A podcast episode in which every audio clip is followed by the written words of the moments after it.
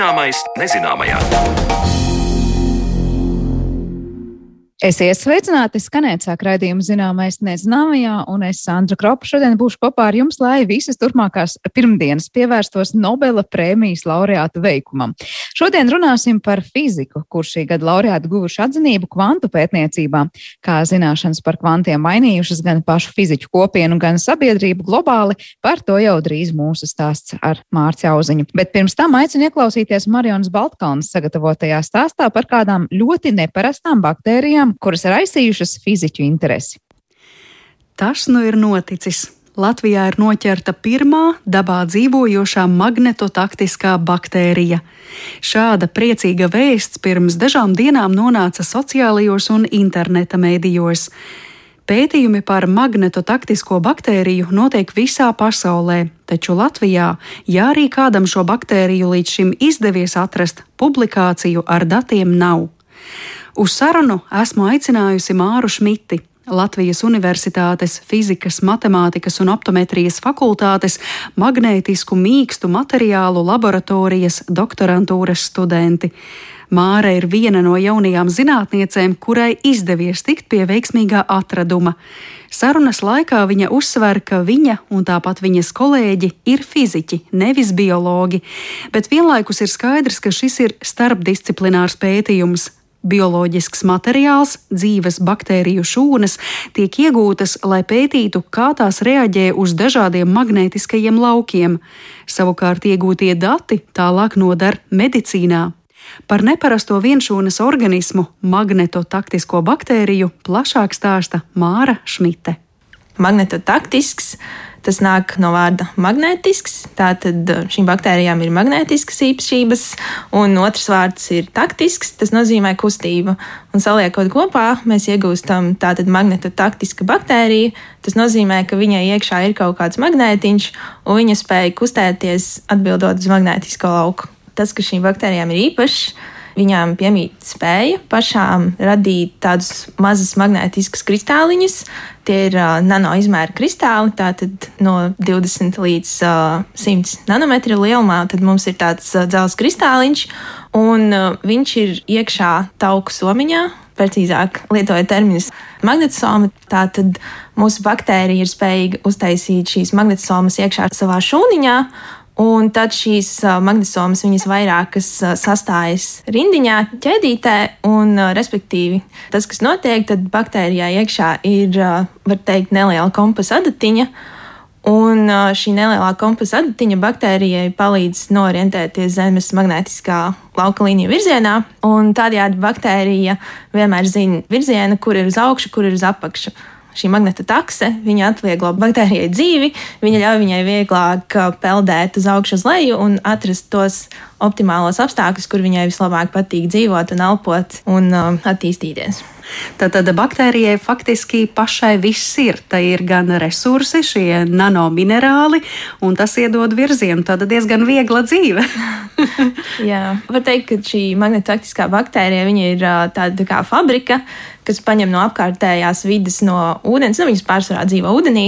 Tātad viņi no ūdens paņem kaut kādus dzelzceļa ionus, kaut kādus sēra ionus, to visu iekšā uztaisa ķīmisko reakciju, un viņa sintēzē sev šo kompasu adatiņu, kas viņai tad respektīvi arī ļauj kustēties tur, kur viņai vislabāk vajag.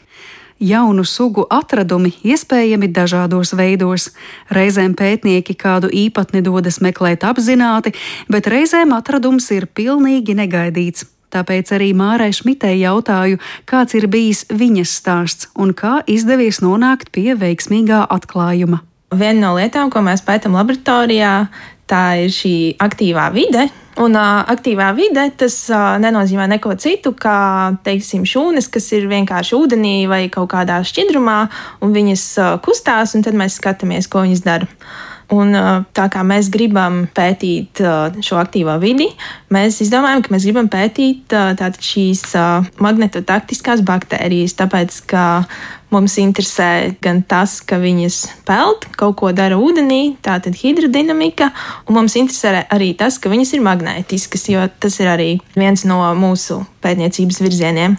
Un mums bija jādomā, kā mums tikt pie šī baktēriju parauga.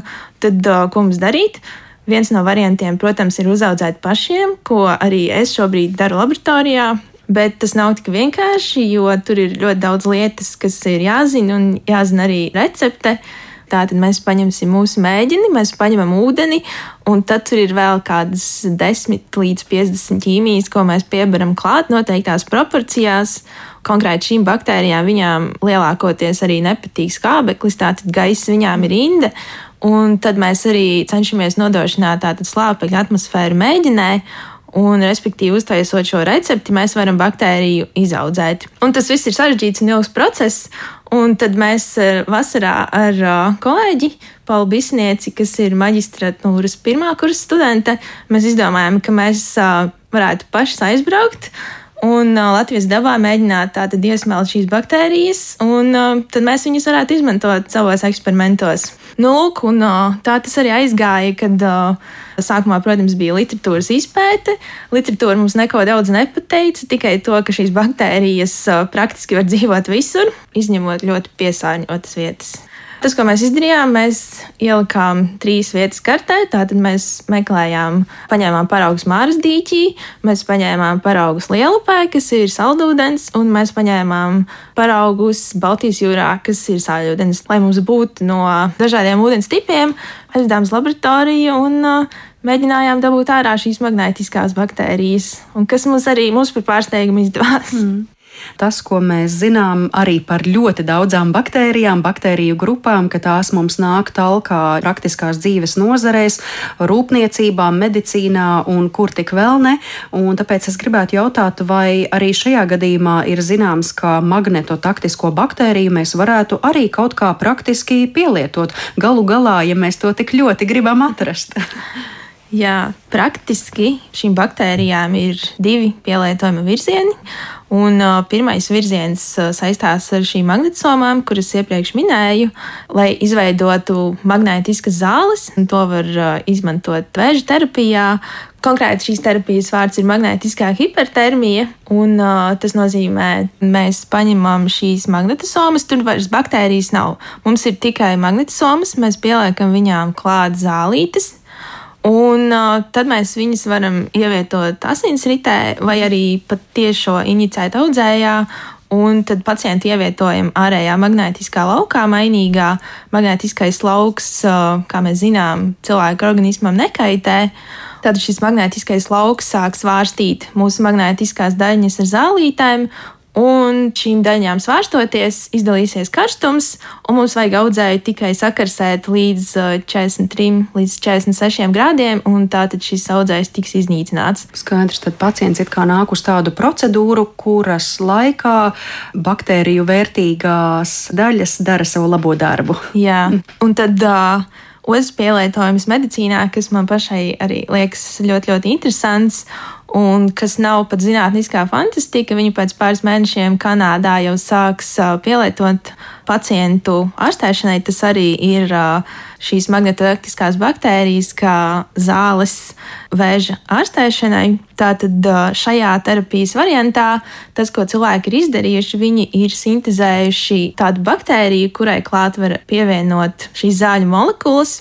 Un tad tas, ko mēs izdarām, mēs arī šīs baktērijas, kas ir savienotas ar zālēm, viņas inicē audzējā. Un tā tad, ja mēs pacientam uzliekam šo ārējo magnētisko lauku tieši tajā vietā, kur ir audzējs, tas, kas notiek, ir tātad šīs zāles, kas bijusi baktērijas, viņas tiek uh, izlaistas, izlaistas ārā, ielaistas audzējā. Un, respektīvi, šīs zāles ir kaitīgas audzēju šūnām, un viņas nogalina audzēju. Bet uh, tā kā baktērijām nepatīk skābeklis, viņas paliks audzējā. Viņas necentīsies iet projām uz citām vietām organismā, tāpēc, ka viņām tā optimālā vide ir tieši audzējā, kur ir zemāks skābekļa līmenis nekā salīdzinot ar visu pārējo organismu. Tātad mums ir tas dubult efekts, kad baktērijas gan pašas grib iet uz audzēju, gan arī tas, ka magnētiskais lauks viņas notur tajā sliktajā audzējā. Tās izdarīs savu labo darbu, un tālāk cilvēkam nekaitēs, bet uzspridzinās to audzēju. jā, jā šīs mhm. arī, arī svarīga lieta, tas, ka magnetotaktiskās baktērijas viņas nav patogēnas, un uh, viņas cilvēka organismā nomirst uh, 30 minūšu līdz pāris stundu laikā. Tādēļ par to pilnībā nav jāuztraucas. Kādas ir šīs terapijas priekšrocības? Tās ir tādas, ka pirmkārt mums nav vajadzīga ķīmijterapija. Ķīmijterapija, kā mēs zinām, iedarbojas uz visām cilvēku šūnām, ne tikai sliktajām, un tas ir organismam kaitīgi. Otrs bonus ir tāds, ka mums nav nepieciešama radiācijas terapija, kas arī ir kaitīga veseliem audiem. Un, uh, izmantojot šīs magnetaktiskās baktērijas ar zālēm un magnētisko lauku, mēs varam ļoti koncentrēti mērķēt tikai uz šiem kaitīgajiem vēža audiem un tādējādi viņus iznīcināt, maksimāli saglabājot uh, pacienta veselās šūnas. Ar konkrēto magnetotaktiskās baktērijas atradumu nekas nav noslēdzies. Tieši otrādi, viss ir tikai sācies. Māra Šmita norāda, ka šobrīd ir skaidri plāni nākamajā vasarā doties ekspedīcijā ar ārvalstu kolēģiem, kuri veic magnetotaktisko baktēriju audzēšanu un izpēti. Tas ļautu atklāt jaunas baktērijas arī Latvijas dabā, kas tad atkal tālāk noderētu fizikas pētījumiem un sniegtu tālajošāku pienesumu biomedicīnai. Jā, mēs ar Francijas kolēģiem dosimies, var teikt, lauka ekspedīcijā ar mikroskopu, magnētiem, un mēs mēģināsim ievākt dažādas baktērijas un varbūt arī citus magnētiskus organismus no Latvijas ūdens tilpnēm. Un iespējams pat arī tos identificēt. Un, protams, tad mēs viņus saglabāsim laboratorijā un turpināsim pētīt savos eksperimentos. Tas, kas mūs interesē, ir tas, kā šīs baktērijas kustās, tātad kustības dinamika. Un uzņemot šo kustības dinamiku, mēs varam arī pateikt teiksim, par baktēriju, cik viņai ir šīs viciņas, motoriņi, cik viņa ātri kustās, cik reizes viņa maina savu kustības virzienu. Un tad atkarībā no tā mēs varam arī būvēt tālāk šo matemātisko modeli kuru mēs varam lietot simulācijās, vēža zāļu izpētē un uh, citos medicīnas simulāciju pielietojumos. Tik tālu par magnetotaktiskām baktērijām, bet raidījuma turpmākajās minūtēs mēs iepazīsim šī gada Nobela prēmijas laureātu veikumu fizikā.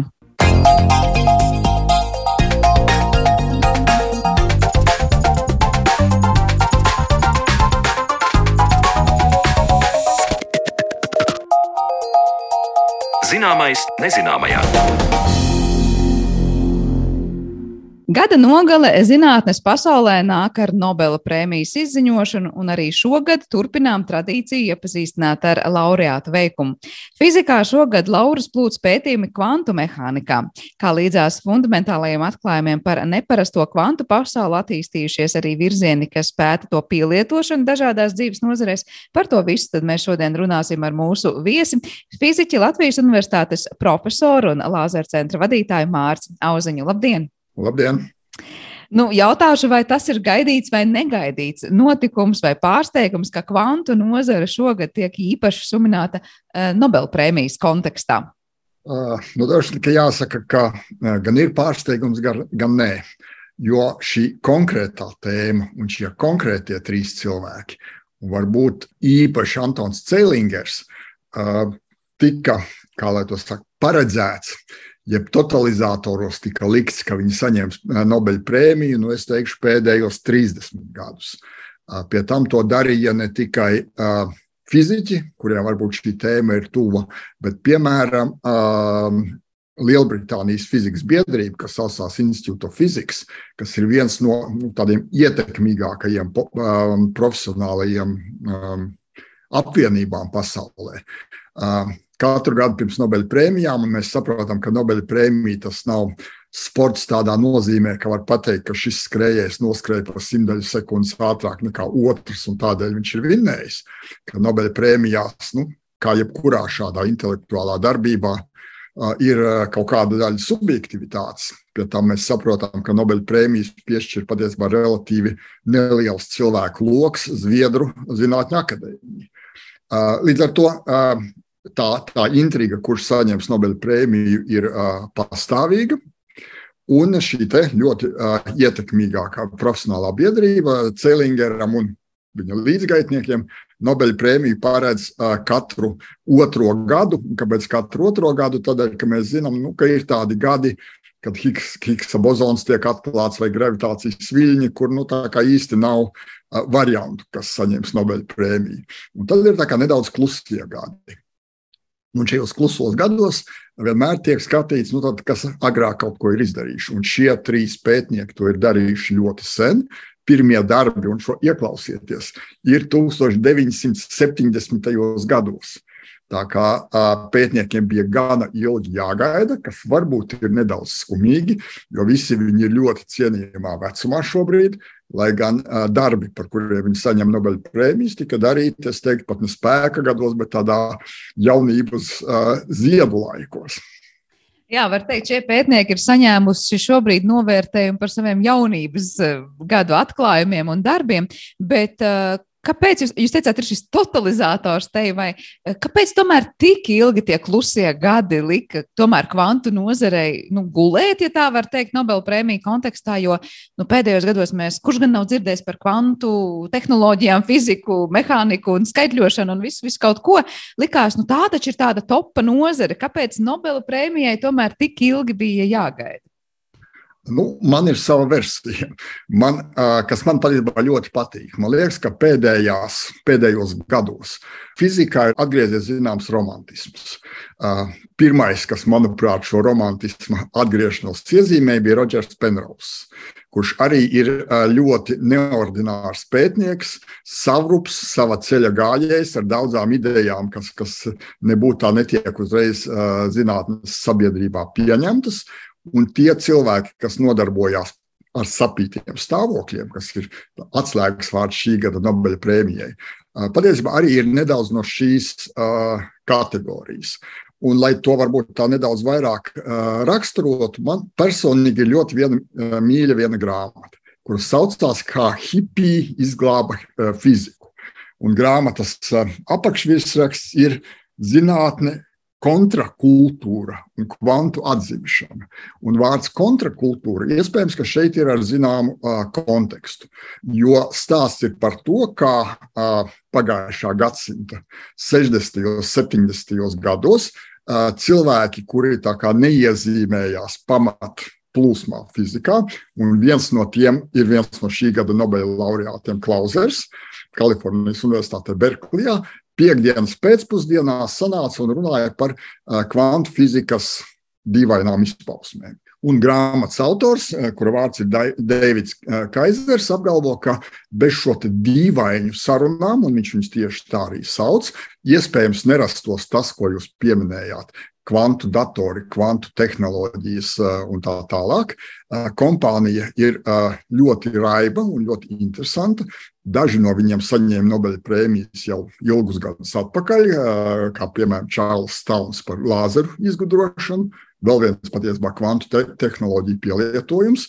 Spektra otrajā galā ir tāds kā Fritjofs Kapra, kurš ir tipisks New Age autors un uzrakstījis grāmatu Fizikas dāla kurā viņš velk paralēlus starp austrumu mācībām un, un kvantu fiziku, nu, kas dažiem profesionāli vidē pavisam noteikti ir tāds interesants, kurios, bet, bet nenopietna grāmata.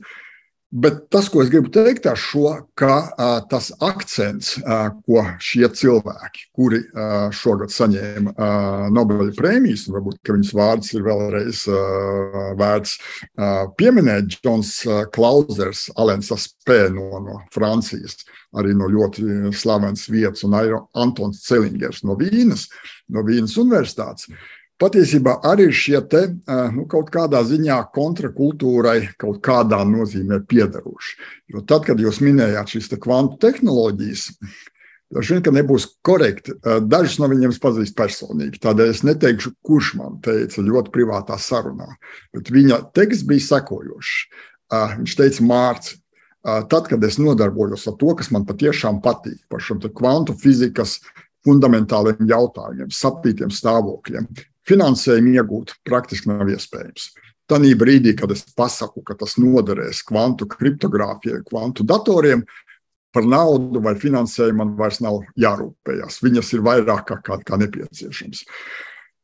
Bet To es saku tā iemesla dēļ, ka tā galvenā motivācija šiem cilvēkiem patiesībā ir saprast kaut kādas absolūti fundamentālas, dažreiz kontraintuitīvas, dažreiz dīvainas kvantu fizikas uh, aspektus. Lietas. Jā, nu tas parasti daudzreiz zinātnē ir dzirdēts, ka pašam zinātniekam gribas strādāt pie kaut kā ļoti fundamentāla, bet mēs savukārt no malas klausoties, es nezinu, auditoriju vai tie, kas ir naudas devēji, protams, ka primāri meklējam, nu, kur to pielietot un kā to pielietot. Un laikam tiešām par kvantiem biežāk esam dzirdējuši, nu tad, kad būs tas kvantu dators vai kā strādās tā kvantu kriptogrāfija, bet eh, tajā brīdī, kad notiek paši pētījumi, tad īsti tā neviens nemaz tos nesaprot.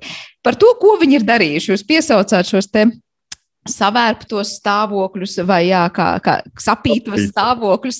Kā tas ir? Jā, es saprotu, kas tas īsti ir. Un varbūt pavisam vienkārši tad atgriežoties pie laikam kvanta fizikas pamatiem, izstāstiet, ko tad šie kungi ir izdarījuši un kas šie par stāvokļiem.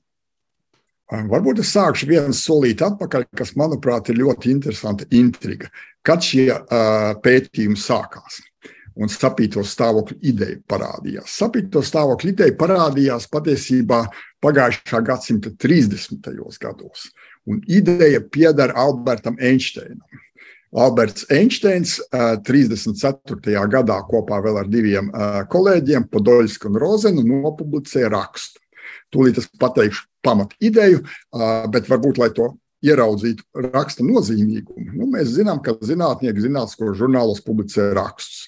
Šis raksts momentā tika atreferēts The New York Times, un The New York Times virsraksts bija Einsteins uzbruka kvantu fizikai. Un, ja mēs iedomājamies 30. gadus pagājušā gadsimta, kad avīzes, es domāju, ka Ņujorkā pārdeva avīžu zēni, skrienot pa ielām. Man acu priekšā ir tāda aina, ka skrien jauns puisīts pa ielu, vicina avīzi un saka, pērciet The New York Times, Einsteins uzbruka kvantu fizikai. Uh, un, uh, ko Einsteins teica? Viņš teica, redziet, ja kvantu fizika ir taisnība, tad var eksistēt sapīties stāvokļi. Un sapīties stāvokļi, jūs taču redziet, ir absolūts absurds. Tas nozīmē, ka kvantu fizika nevar būt laba teorija. Un varbūt, ja es mēģinu pavisam īsi un ļoti populāri pateikt, kas tad bija tas, kas Einsteinam nepatika, un ne tikai viņam, diezgan daudziem fizikiem tajā uh, laikā. Viņi, protams, nodarbojās ar ļoti konkrētiem objektiem, kā spins un tā tālāk, bet, lai nemēģinātu tagad izstāstīt, kas ir spins, es teikšu, ka ir daļiņa, kurai var būt divas pretējas īpašības. Lai vienkāršāk var būt uh, zila daļiņa un sarkana daļiņa. Ko mums kvantu fizika saka? Man rokās ir viena daļiņa. Es nerādu jums, kāda viņa ir. Kvantu, un ko mēs normāli cilvēki domājam, nu, tā daļiņa ir vai nu zila vai sarkana. Mana bumbiņa ir vai nu zila vai sarkana. Es nezinu, kāda viņa ir. Es neesmu jums parādījis, neesmu pats paskatījies, bet nu, viņa ir viens vai otrs variants. Tad kvantu fizika saka, ka nekā tam līdzīga. Viņai ir divas potenciālās iespējas būt zilai vai sarkanai, bet vārds potenciālā iespēja ir atslēgas vārds, un viņa kļūs zila vai sarkana tikai tajā brīdī, kad mēs uz viņu paskatīsimies. Ja es jums to stāstu, un, un klausītāji to dzird, un, un, un mēs jautājam, izklausās loģiski. Droši vien atbildi izklausās tā kā dīvaini. Un Einsteins, lai pierādītu, ka tas ir dīvaini, teica sekojoši. Bet mēs varam radīt tādu situāciju, ka mums radās divas daļiņas. Un mēs zinām, ka viņas ir pretējās krāsās. Ja viena ir zila, tad otra ir sarkana. Un vairāk variantu nav. Un tagad, kā jau Einsteinam patika doma eksperimenti, viņš teica, tagad daļiņas ir aizlidojušas visuma pretējos galos. Un vienā galā esat jūs, otrā galā esmu es. Un jūs savā galā paskatieties uz daļiņu. Un kvantu fizika saka, ka tikai tajā brīdī viņa kļūst, piemēram, sarkana. Bet daļiņām ir pretējas krāsas. Es esmu visuma otrā galā, un tajā pašā momentā mana daļiņa kļūst zila. Viņa uzzina, ka jūs esat paskatījušies uz daļiņu savā visuma galā. Nu, dīvaini izklausās. Un šis bija Einsteina piemērs. Viņš teica, nu, redziet, tas nozīmē vienkārši, ka daļiņa jau ir zila vai sarkana pirms mērījuma. Mēs vienkārši esam uztaisījuši nepilnīgu kvantu teoriju un nemākam paredzēt. Uztaisīsim labāku teoriju, un viss nostāsies savā vietā. Tā tas turpinājās vairākas desmitgades, un tad nāca vēl viens absolūti ģeniāls cilvēks, Džons Bells, kurš diemžēl jau diezgan sen ir miris, kurš šo eksperimentu nedaudz padarīja detālāku. Un atkal, izmantojot savu analoģiju ar bumbiņām, es teikšu, man ir divi spēļu kauliņi. Viens ir sarkans, otrs zils. Un tagad atkal mēs izdarām to pašu, ko iepriekš. Jūs savu kauliņu atveriet vaļā un ieraugiet, ka tur ir sarkans. Mēs uzreiz zinām, ka mans ir zils. Tad jūs paskatieties, kāds skaitlis jums tam kauliņam ir virsū. Mēs zinām, varbūt no 1 līdz 6. Piemēram, jums ir 2. Jautājums, kāds man ir virsū, virspusē? Un atbildi ir, nu, tas jau galīgi nav saistīts. Nu, mēs neko nezinām. Kāds gadījās tāds ir. Tad Bels saka, ka kvantu fizika pasaka, ka summā vienmēr būs septiņi. Ja jums divi, man pieci. Ja jums trīs, man četri. Un mēs sakām, nu, bet šī, šādi taču nevar būt. Nu, viņas nevar viena otrai pateikt, kam ir jābūt virspusē kādam skaitlim. Uh, un uh, kvantus fizika saka, ka var. Un šīs ir Bela nevienādības, kuras ir pieminētas Nobela prēmijā, kur saka, ka ir saistība, kāda var būt starp sarkano un zilo daļiņu klasiskā fizikā, un saistība, kur ir pa daudz liela. Klasiskā pasaulē viņas tik stipri saistītas nevar būt. Viņas nevar būt sapītas, viņas nevar būt sapītā stāvoklī. Un tādā brīdī parādījās iespēja gan ne ar, protams, spēļu kauliņiem, bet ar, ar atomiem, fotoniem, elektroniem. Un šie kungi, kas saņēma Nobela prēmiju, to darīja ar fotoniem, kas arī ir daļiņas, eksperimentāli pārbaudīt, vai šī pārlieku lielā saistība, to fiziķi saka, palielinātā korelācija dabā eksistē vai neeksistē. Un, ja viņa dabā eksistē, tad izrādās, ka nu, Einsteina argumenti, jūs taču redzat, ka tas ir absurdi, pārstāja būt taisnība. Tad Einsteina ideju pārbaudīja mūsdienās šie trīs eksperimentātori. Pirms veicāt, kā viņi to pārbaudīja un ko viņi tieši ieraudzīja, es gribēju vēl pajautāt par to Belu. Kāpēc viņam radās tā doma tieši par to septiņu? Vai tas ir vienkārši šobrīd nejauši izvēlēts skaitlis, vai tiešām tajā viņa nevienlīdzībā visas tās daļiņas tur kaut kā mistiski kārtojās ap to septiņu? Ne, es teiktu, ka, ka septiņi ir uh, izdomāts, kā lai to saka, populārs piemērs. Patiesībā viņi mērīja uh, fotona polarizāciju, vai uh, elektronu spina orientāciju. Es pieņemu, ka šī brīdī šie vārdi kādu uzreiz nobaida. Tādēļ varbūt es neizvērsīšu tehniski šo domu tālāk. Tad viņi pārbaudīja saistību starp daļiņām lielāku nekā klasiskā pasaulē, nekā lielu lietu pasaulē. Es teikšu, tā ir iespējams. Un man septiņ, septiņnieks summā ir tikai tas, ka ir vēl kaut kāds parametrs, kurš nevar būt saistīts. Skaitļi, kas izskatās uzskata virspusē, man un jums, nevar būt saistīti normālā pasaulē. Un izrādās, ka kvantu pasaulē var būt saistīti, bet tie nav divi un septiņi. Tās ir noteiktas kvantu īpašības divām daļiņām. Jā, pavisam sarežģīta un grūti aptverama pasaule, bet lielās līnijās ir skaidrs eh, viens, ka nu, šie eksperimenti, kas, ko šie kungi veica, kas saņem Nobela prēmiju, parādīja, nu, ka Einsteinam nebija taisnība patiesībā, ja, ka tas viss dabā eksistē. Bet kur mēs varam dabā ieraudzīt kaut ko tādu, kur mēs teiktu, nu, lūk, redz, kur uz katra soļa tā kvantu fizika strādā, un lūk, Einsteins viņu vienkārši nezināja vai nepamanīja. Šīs patiesībā ir jautājums, tas, ka kvantu fizika nepārtraukti strādā. Es domāju, ka tur nu, mums vairs nevienam nav pārsteiguma. Tas, ka mēs šobrīd runājam caur mūsu datortehniku, kurā ir superminiaturizācija un patiesībā procesi jau notiek kvantu līmenī, ir viens no piemēriem. GPS uh, koordināšu noteicēji un ļoti, ļoti daudzas citas lietas. Tā skaitā pirms mirkļa mans pieminētais lāzers, kas varbūt bija pirmais tāds kvantu tehnoloģiju piemērs, kas nu ir ienācis absolūti mūsu ikdienā. Jo, um, man šis piemērs vienmēr ir mīļš, jo, uh, ja mums ir jāstāsta kādam, kā strādā GPS, ja vai kas tas ir, nu mēs redzam tikai sekas. Lāzera ra, uh, rādām kociņu, ar kuru mēs uh, lekcijās uz ekrāna rādām kaut ko. Un, un, un tas ir kaut kas, kas nu, mums liekas, nu, Kas var būt vēl vienkāršāks par šo lāzeru visur apkārt? Tā kā kvantu uh, tehnoloģiju piemēru ir ļoti daudz, tad, kad mēs runājam par šiem sapītiem stāvokļiem, tad tas, kur nu, tādā var būt, protams, ļoti sākotnējā fāzē, bet viņus jau aktīvi izmanto, tā ir kvantu kriptogrāfija. Jo mēs zinām, ka sākot no ļoti ikdienišķām lietām, mums ļoti negribētos, lai mūsu banku kartes PIN kodu kāds um, atminētu vai atšifrētu. Uh, un beidzot ar droši vien dažādām um, finansu, globālām finansu institūcijām, protams, dažādām stratēģijas un drošības situācijām un tā tālāk. Um, kriptogrāfija ir ļoti daudzu lietu tāds, nu, atslēgas uh, punkts. Un mēs zinām, ka šifri, neatšifrējami šifri praktiski nav.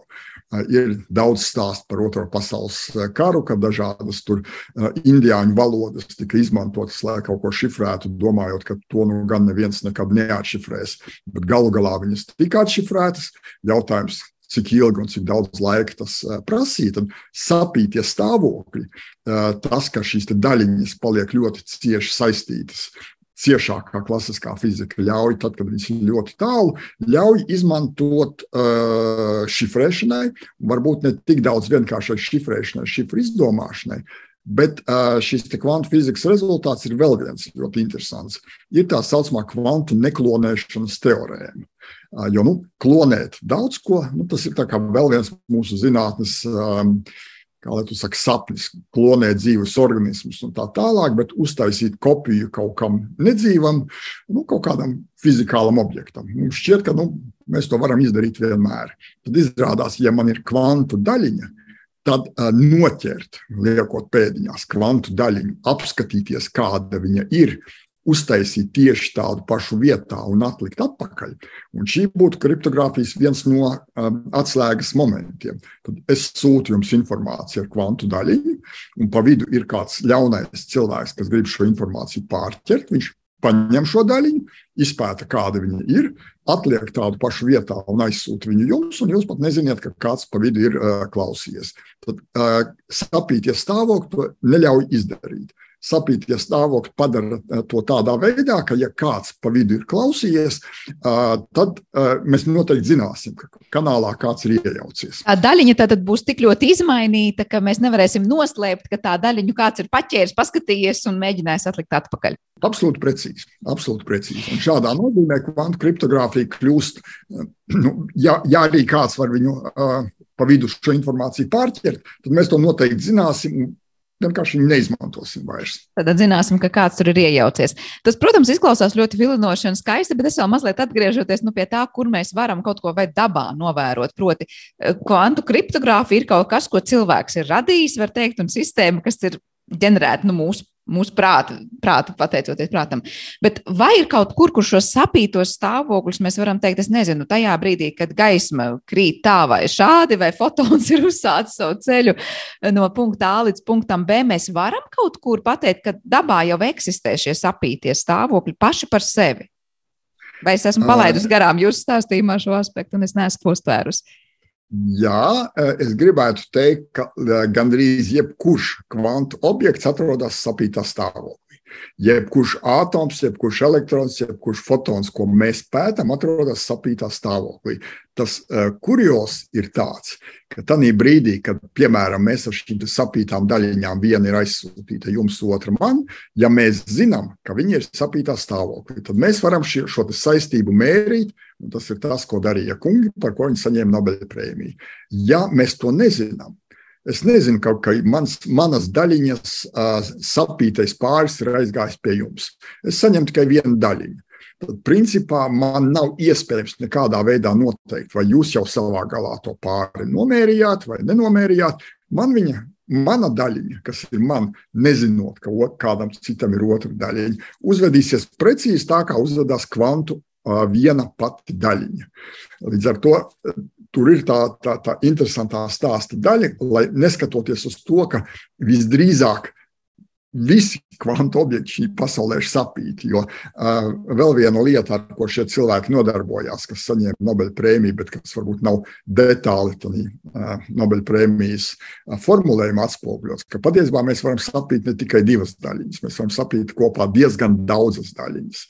Un, un, ja tā mēs nedaudz, kā lai to saka, teorētiski runājam, tad visi kvantu objekti visdrīzāk savstarpēji sapīti, bet mēs to nezinām.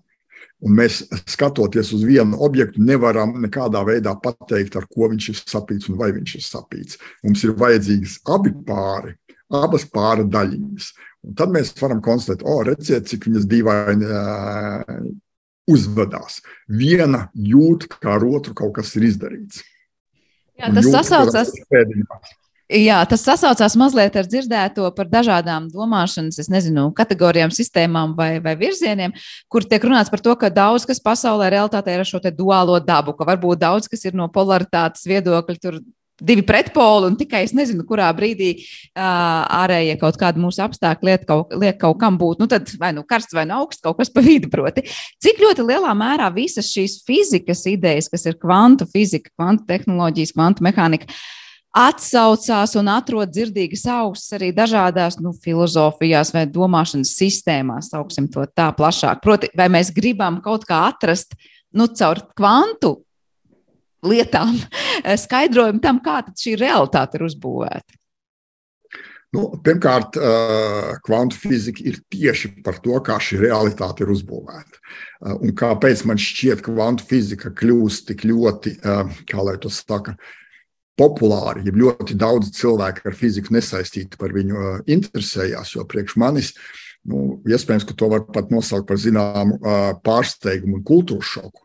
Jo pirms šīs Nobela prēmijas, pēc kaut kādu pēdējo gadu laikā. Jūs būsiet pārsteigti dzirdēt, kādas cilvēku grupas, banku, team building pasākumi, dizaina kompānijas, advokātu biroji pēkšņi ir gribējuši dzirdēt kaut ko par kvantu fiziku. Man šķiet, ka tam ir ļoti konkrēts iemesls. Mums vienmēr šķiet, ka pasaulē ir kaut kādi pamatprincipi, un šie pamatprincipi ir acī noslēpti. Mēs viņus tā neredzam. Bet tur kaut kur apakšā ir šī kaut kāda pamatbūtība. Kaut kādā ziņā par to runā dažādas filozofijas skolas, tā skaitā varbūt austrumu filozofija.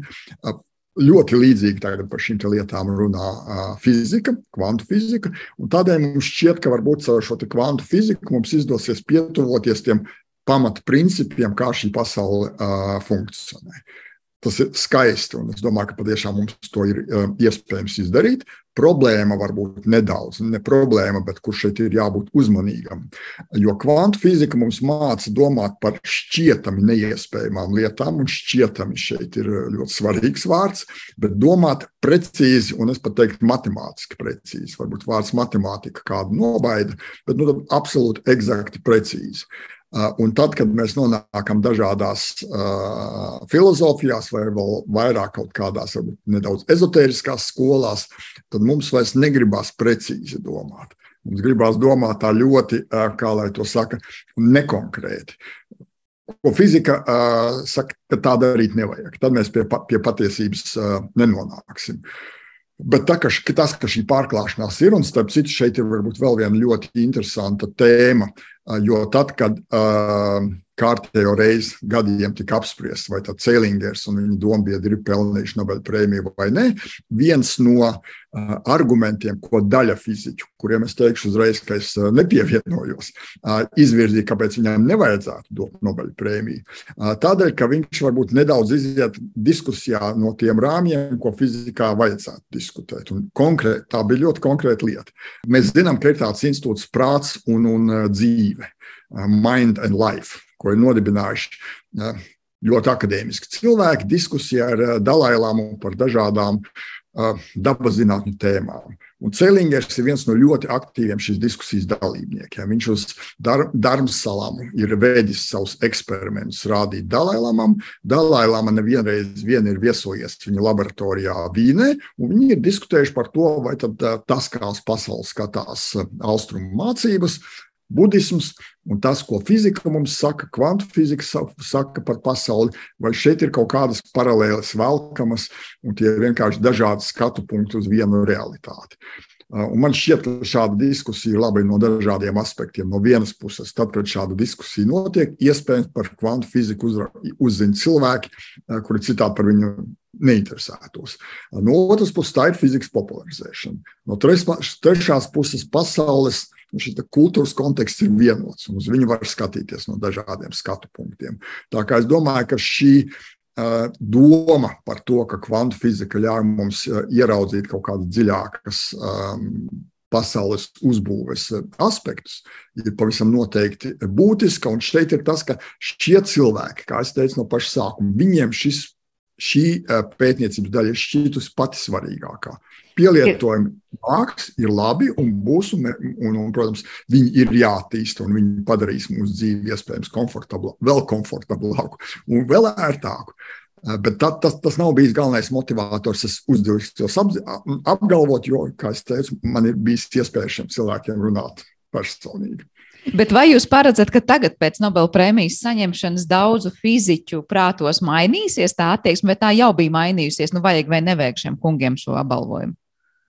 Nu, kā es teicu, sākot ar, ar Rodžeru Penrozu, kur, kuram tā būtu cita stāsta daļa, bet tur ir ļoti līdzīgas varbūt, uh, aspekti. Pavisam cit, cits konteksts, bet, bet, bet tā pieeja ir, ir ļoti līdzīga. Es pieņemu, ka var būt šis romantisms, jo ja tad, kad mēs paskatāmies kvantu fizikas uh, pirmsākumus, nu, mēs tam nedaudz, varbūt negribot ļoti tālu iziet no pamatēmas, bet piemēram, tad, kad mēs runājam par Šredingeru.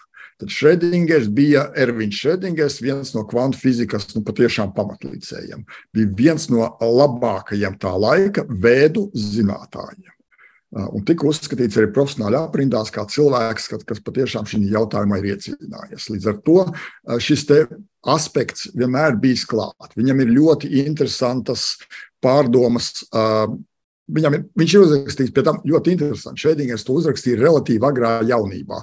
Mans skats uz pasauli grāmatu. Parasti tāds grāmatas raksta tad, kad jūs esat Nobela laureāts, cienījumā vecumā, nu, atskatieties. Viņš to uzrakstīja vēl ilgi pirms tam, nu, tādu kā savu dzīves programmu. Un tur šī te, to saka, filozofiskie, ja gribiet, garīguma aspekti un fizika ļoti interesanti spēlējās savā starpā. Tā, tā kā Es domāju, ka, ka šīs te, romantisms, tā es to nosaukšu, kas bija kvantu fizikas pirmsākumos, kādu brīdi pārgāja tādā pragmatismā, un pragmatisms ņēma uh, virsroku. Latvijā bija ļoti interesants fiziķis Roberts Damburgs, diemžēl jau tagad miris, viens no, es domāju, spilgtākiem Latvijas fiziķiem, kurš, kā tagad atceros, kaut kādos brīžos man teica, tas bija, nezinu, 80. gadi, viņš teica, Mārci, Paskaties, par ko tagad dod Nobeļa prēmijas. Par kaut kādiem pielietojumiem, tehnoloģijām, nu taču neinteresanti. Atkal var strīdēties vai nestrīdēties, bet nu, tas bija kaut kāds laiks, kad, kad varbūt šie, šie praktiskie aspekti ņēma virsroku. Man ir sajūta, ka tagad mums nedaudz šī eh, vēlme ļoti eh, tā, tā, tā plaši paskatīties uz to, ko dabas zinātnes mums saka, un šī konkrētā gadījumā, ko fizika mums saka, atgriežas. Var teikt, jā, mēs no, no vienas puses tātad ir tas eh, skrējiens pakaļ pielietojumam, un, protams, ka no kvantu fizikas mēs gaidām visus šos uh, lieliskos, brīnišķīgos rīkus, ko no vienas puses jau mēs lietojam, bet, protams, visas šīs kriptogrāfijas ir noteikti viens no pielietojumiem, ko, ko daudzi gaida. Vēl plašāk izmantojam savukārt tas, ko jūs minējāt, jā, šī fundamentālā lieta, šī vēlme paskatīties, bet kāda tā realitāte strādā, laikam tiešām vismaz daudzu prātos un sirdīs atgriežas šobrīd. Nu, ko man prieks, ka šogad šie kungi tiešām tiks pie šīs prēmijas, jo gaidīt tā ir gana sen un gana ilgi. Un es teikšu jums lielu paldies par to, ka viesāt skaidrību par to, par ko tad šī prēmija šogad ir pasniegta un kāds bija tās ceļš līdz šiem lielajiem sasniegumiem. Fiziķis, Latvijas Universitātes profesors un Lāzara centra vadītājs Mārcis Sauziņš ar mums bija kopā šajā raidījuma pusstundā. Ar to arī tas ir izskanējis un paldies visiem par klausīšanos. Tiekamies mēs atkal rīt šajā pašā laikā. Visu labu!